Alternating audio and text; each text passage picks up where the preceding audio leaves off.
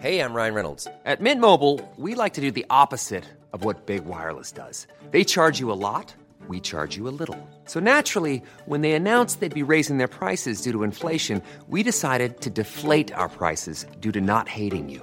That's right. We're cutting the price of Mint Unlimited from $30 a month to just $15 a month. Give it a try at mintmobile.com slash switch. $45 upfront for three months plus taxes and fees. Promo rate for new customers for limited time. Unlimited more than 40 gigabytes per month. Slows. Full terms at mintmobile.com. Even when we're on a budget, we still deserve nice things. Quince is a place to scoop up stunning high-end goods for 50 to 80% less than similar brands. They have buttery soft cashmere sweaters starting at $50, luxurious Italian leather bags, and so much more. Plus, Quince only works with factories that use safe, ethical, and responsible manufacturing. Get the high-end goods you'll love without the high price tag with Quince. Go to quince.com slash style for free shipping and 365-day returns. Since 2013, Bombas has donated over 100 million socks, underwear, and t-shirts to those facing homelessness. If we counted those on air, this ad would last over 1,157 days. But if we counted the time it takes to make a donation possible, it would take just a few clicks. Because every time you make a purchase, Bombas donates an item to someone who needs it. Go to bombas.com slash ACAST and use code ACAST for 20% off your first purchase. That's bombas.com slash ACAST, code ACAST.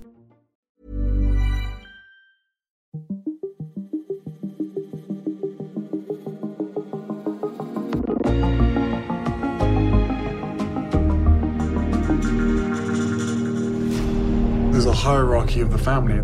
You know, there's leaking, but there's also planting of stories. I en ny Netflix-dokumentar langer prins Harry og hertuginde Meghan kraftigt ud efter det britiske kongehus, som de selv har forladt.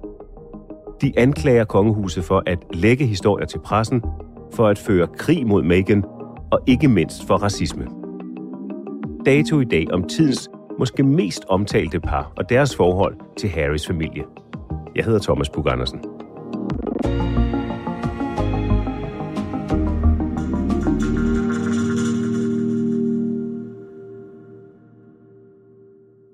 Altså, jeg læser på papir. Jeg er ikke forbruger af de der tjenester. Så går jeg i biografen, hvor jeg køber en biografbillet. Du er meget finkulturel. Ja, ekstremt finkulturel, men jeg er ikke snobbet. Jeg, for eksempel ser jeg ikke ned på kongehuset. Nå, okay. du ser du op til kongehuset. Nej, jeg ser dem som en interessant anachronisme. Har du set The Crown? Jeg har set nogle afsnit, ja. Men det her, som er nybruddet med det, vi skal snakke om, det er jo, at her er det hovedpersonerne selv, der har hovedrollerne. Det er ikke øh, Helen Mirren, der spiller dronningen. Det er dokumentarklip, og så er det to levende mennesker, som er hovedpersonerne. Og hvilken forskel gør det for dig? Det gør en kæmpe forskel, fordi så er det, øh, hvor langt går de? Fordi en skuespiller går så langt, som manuskriptforfatteren og instruktøren har bestemt. Men hvor langt går de selv? Hvor langt går han i at i givet fald besudle sin familie? Ulla Terkelsen, alle der lytter med har genkendt din stemme. Korrespondent på TV2. Vi skal tale om Harry, den tidligere engelske prins, kan vi vel godt kalde ham. Efterhånden han er jo ikke prins længere. Og Meghan, hans øh, amerikanske hustru. Måske verdens mest omtalte par, i hvert fald i øjeblikket. There was a war against Meghan to suit other people's I en agendas. ny stort anlagt Netflix-dokumentar retter de nu skarp kritik mod det britiske kongehus, ikke mindst om racisme. It's about hatred. It's about race. It's a dirty game. De første tre afsnit er ude af den her Netflix-dokumentar, og mens vi venter på de næste tre, der skal være en samtale om det britiske kongehus. Lad os lige begynde med at spole tiden tilbage, før han mødte Meghan. Hvad var det for et liv, han levede der? Han levede et øh, lidt fortvivlet liv, sådan virkede det. Altså, vi husker ham jo fra, da han gik bag sin mors kiste. Det var et forfærdeligt billede, og det har han jo også senere fortalt, var helt forfærdeligt. Der var han 11 år, og han gik sang med sin bror og sin far og sin bedstefar bag ved sin mors kiste. Øh, derefter gik han på Eton, som er en elitær kostskole, hvor han ikke var akademisk særlig strålende, og derefter havde han sådan en militærkarriere. Og øh, der var han nok lykkelig i det liv. Det synes jeg, man har indtryk af. Det han jo også selv fortalt. Altså som soldat. Som soldat, ja, og han fik kammerater, og han fik at vide, hvad han skulle lave. Og han var sendt ud til vigtige steder. Altså, han var ikke bare sådan chocolate, chocolate soldier. Han var en rigtig, han var rigtig soldat, og ikke bare en chokoladesoldat. Øh, What's a lille- chocolate soldier? Det, det er sådan en, der er en figur, hvor man laver en figur af chokolade af en soldat, men som ikke er en rigtig soldat. Han er en, var en rigtig soldat. Og øh, så var han jo altså, utrolig tit på værtshus. Man fik indtryk af, at han drak meget, at han var på stoffer. Han øh, har senere fortalt, at han også øh, gik i terapi, fordi han havde et uroligt, vanskeligt sind. So 28 to probably 32 was a nightmare time in my life. Og så selvfølgelig, det er meget vigtigt, så var han jo spær, som man altså han var ekstra. Man siger jo altid, at man skal have en arving, og så skal man have en spær, altså en ekstra, i sådan nogle familier, hvor der skal arves. Og det er fordi, hvis nummer et ryger, bliver syg, dør, så skal der være en, der rykker op. Og det var det, han var. Han var nummer to. Men det er jo altid, det ved vi også fra det danske kongehus, lidt besværligt, fordi der nummer to år, for de skal finde en rolle. Mens nummer et, Harry Storbror William, der ved vi, at han skal være konge, da der hans far dør. Og vi skal tale også senere om hans forhold til hans far, nu kong Charles, i mange år prins Charles. Men hvad ved vi om på det her tidspunkt i hans liv? Hvilken relation han har til Charles? Sådan som vi har forstået det, man har læst, det han selv har sagt osv., så er det forholdsvis distans. Altså det tætte fysiske forhold, det var et forhold, de begge to havde til deres mor. Det er der også en masse billeder for, ikke? Altså hun var jo, Diana var jo moren, den afdøde mor, var jo ikke den store sådan, intellektuel, men hun var fysisk. Hun var en omfavner. Hun omfavnede AIDS-offer, hun omfavnede mor Teresa, hun øh, omfavnede sine børn, og de gik i biffen og gik på McDonald's. Det var der, hvor livet var tæt, når de ikke var sendt afsted på de her kostskoler, som de, både han og hans bror blev sendt afsted på, da de var 6-7 år. Det gør man jo nogle gange i den engelske overklasse. Så derfor var det hende, de var sammen, når de havde fri, og deres forhold til faren var distant. Men det var hende, der var den tætte i deres liv. Og derfor for ham, fordi han er lille, ikke? han er 11-12 år, da hun dør, er hans følelsesmæssige rutsjetur ned jo voldsom. Så øh, møder han så den amerikanske skuespillerinde Meghan Markle. Hvad ved vi om, hvordan de mødes? De fortæller i de her film, eller de her programmer, der fortæller de, at de har en eller anden fælles bekendt, det har også været tidligere frem, de har en eller anden fælles berøring, en eller anden fælles bekendt, som så siger til ham, du skulle prøve at møde hende der. Hun kommer til London snart, og så sender han hende, halli hallo, og så svarer hun, halli hallo, og så øh, går de ud og tager en drink i Dean Street, nummer 76, tror jeg det var. Det kan sikkert blive et sted, man går hen og kigger ind gennem vinduet. Det er lige midt i Soho. Det er simpelthen midt i Soho, og det er et godt sted at gå ud. Og der sidder de så, der får de ifølge programmet, ifølge hvad de fortæller offentligt, de fortæller jo ikke alle de mest private detaljer, der sidder de så for en drink, og øh, så siger hun, som jeg skal jo øvrigt rejse snart, hun skal rejse dag, øh, to dage efter, så siger hun, skal vi så gå og spise middag dagen efter. Og der forstår vi, uden vi går i detaljer, at øh, der går det mere dramatisk til. Altså, der holder de sig ikke til maden. Say no more. The world's most eligible bachelor is reportedly head over heels with Meghan Markle. Men derefter har de sådan en langdistance flirts, ikke? Langdistance forhold. Og så inviterer han hende til Botswana. Han inviterer hende til Afrika. Og der er det så, at den britiske presse fanger, at der er et eller andet. Og så begynder de så også at blive styret der af det britiske kongehusets pressetjeneste, som på det tidspunkt servicerer både Harry og hans bror. Og den rådgivning, som øh, Harry og Meghan får fra det britiske kongehus presseafdeling, den er ret vigtig i den øh, fortælling her. Hvad er det for en rådgivning, de får? Øh, ja, der tror jeg i og for sig bare, de får, at de skal gå stilfærdigt til værks, og de skal ikke holde det hemmeligt, og de skal vise sig en gang imellem.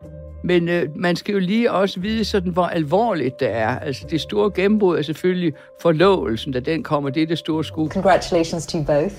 Thank you. Can we start with the proposal? Men altså, det kommer langsomt frem, at han har en kæreste, og de er fotograferet gående ind og ud af forskellige dansesteder. Så der bliver man sådan klar over, at hun er der, og at han er der. Og så går det løs. Og det er jo et vigtigt element også i den måde, de sælger sig selv på, hvis man skal sige Ja, for det. hvad er det, der går løs der, når du Ja, siger, altså så er der går fandme det løs, at de bliver dækket. At man dækker, at Harry har fået en amerikansk tv-skuespillerinde, øh, som er halvt sort. Hun er hans kæreste.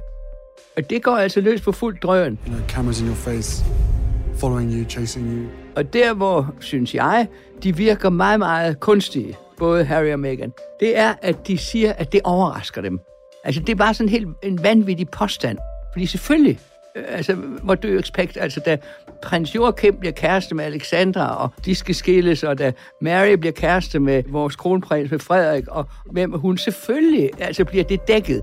Og der synes jeg, det virker ekstremt kunstigt, at de begge to sidder og siger, Ja, det er for forfærdeligt, det er. Det kan jeg godt forestille mig, det må være. Men de er overraskede. Det kan de jo ikke være.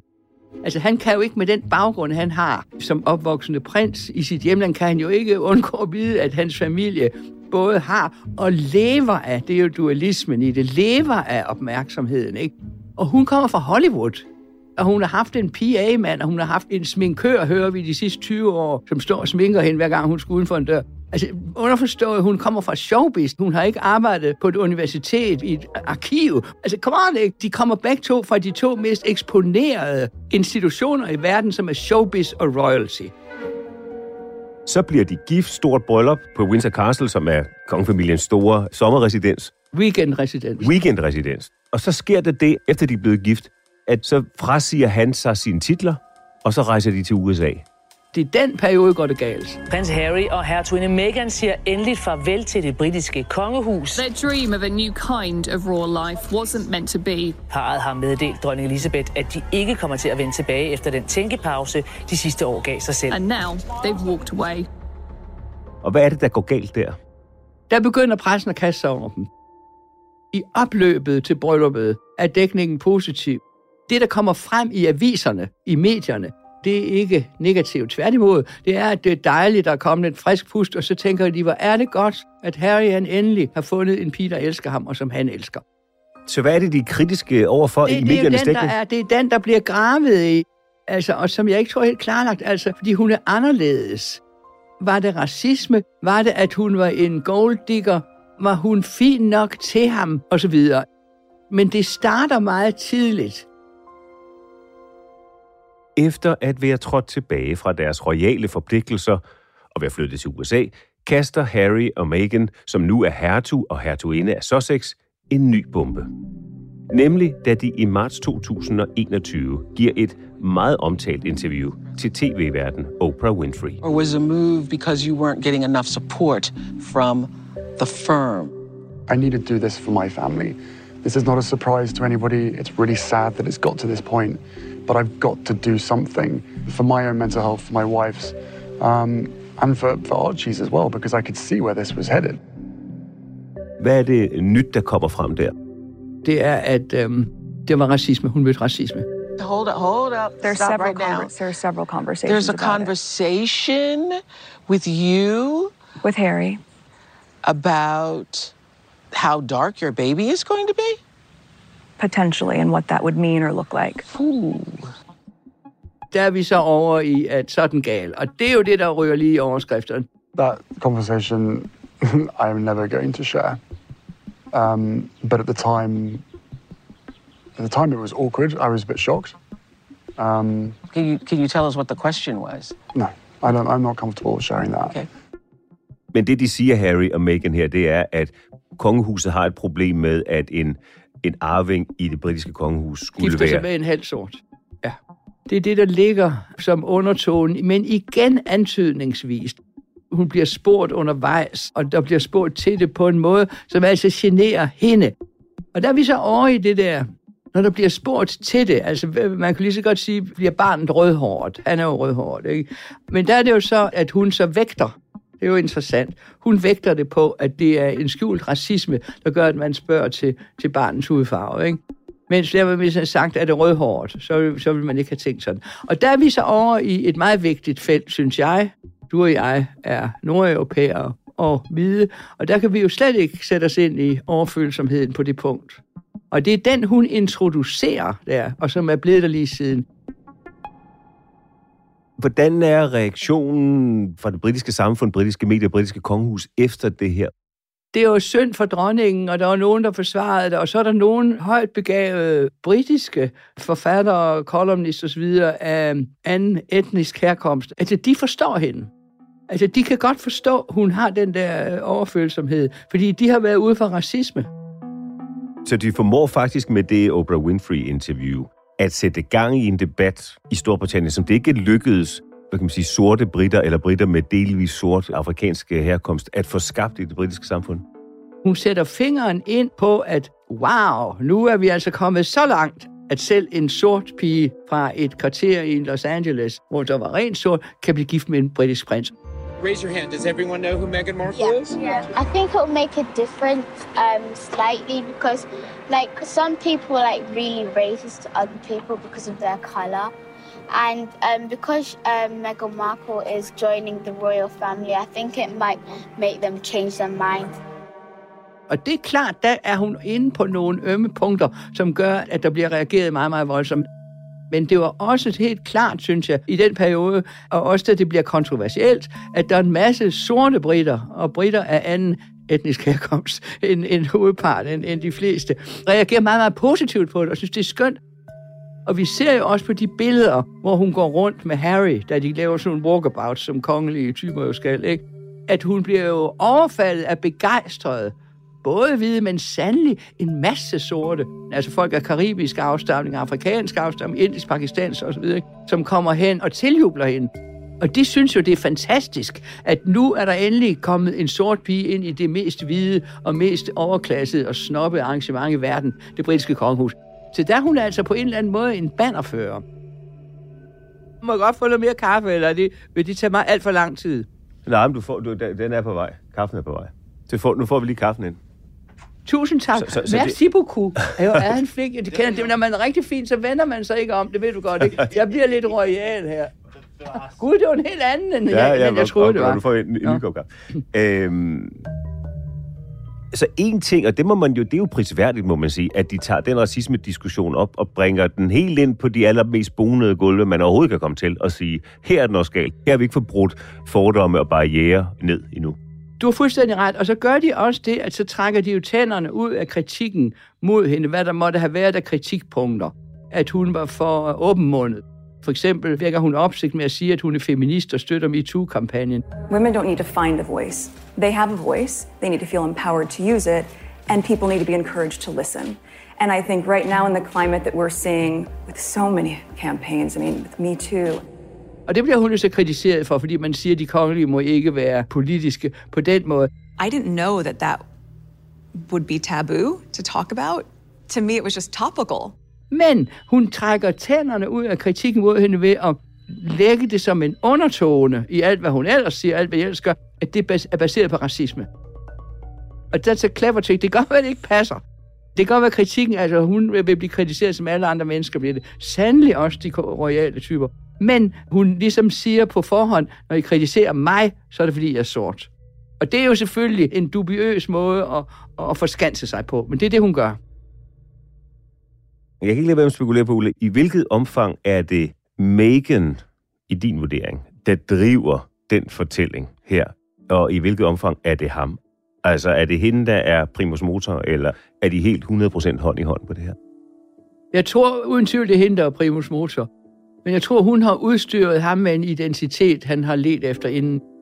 Jeg tror, han har været meget, meget forvirret, øh, meget ked af det sikkert indimellem. Han virker som sådan et følelsesmenneske, og han virker meget, meget charmerende og meget øh, oprigtig og meget rørende på mange punkter, synes jeg.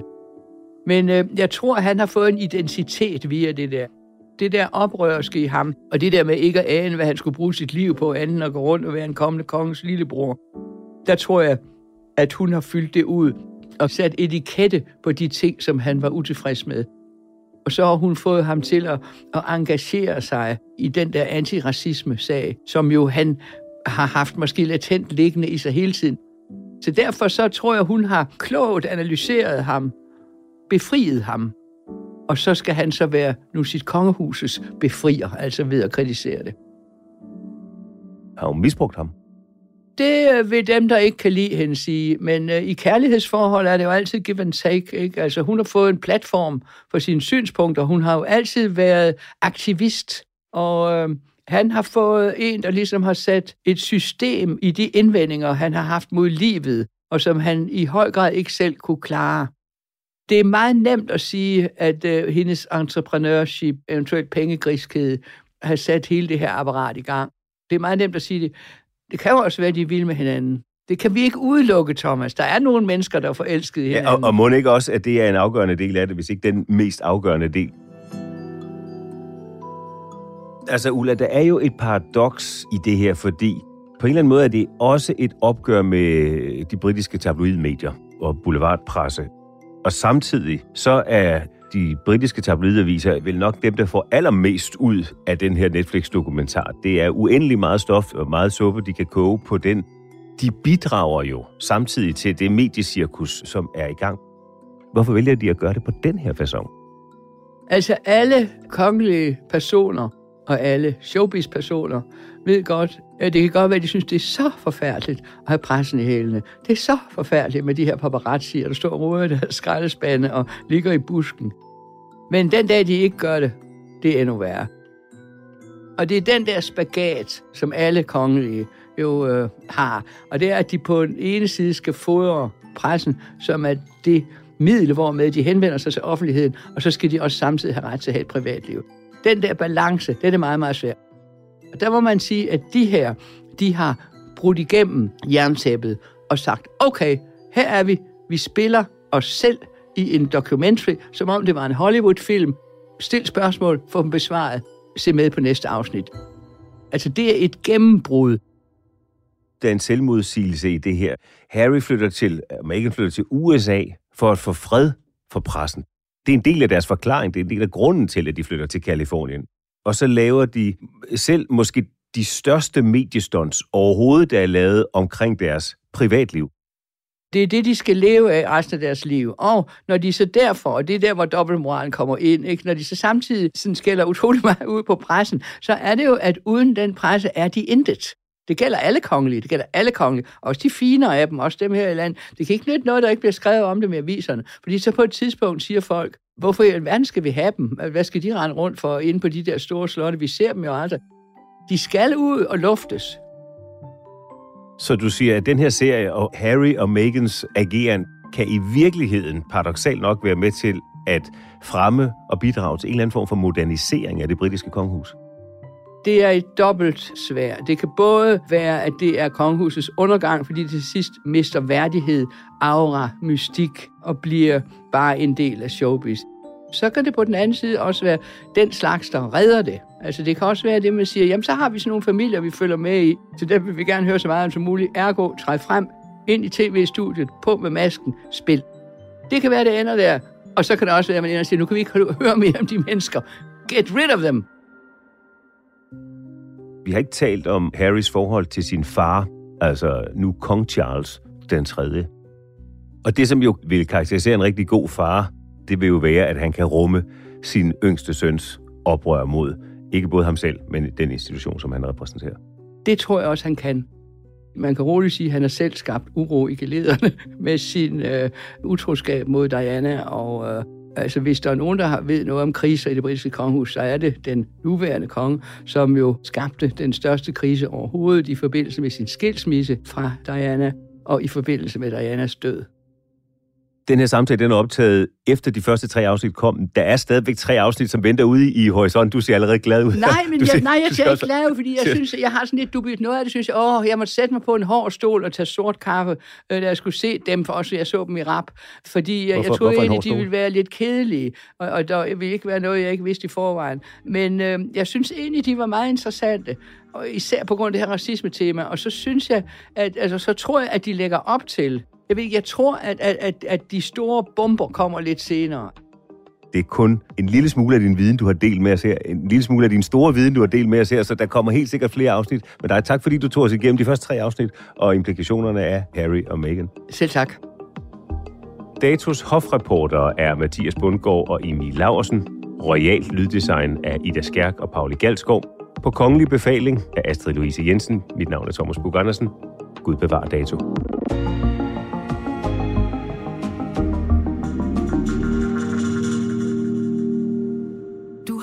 Til en podcast fra TV2. When you make decisions for your company, you look for the no-brainers. If you have a lot of mailing to do, stamps.com is the ultimate no-brainer. Use the stamps.com mobile app to mail everything you need to keep your business running with up to 89% off USPS and UPS. Make the same no-brainer decision as over 1 million other businesses with stamps.com. Use code PROGRAM for a special offer. That's stamps.com code PROGRAM.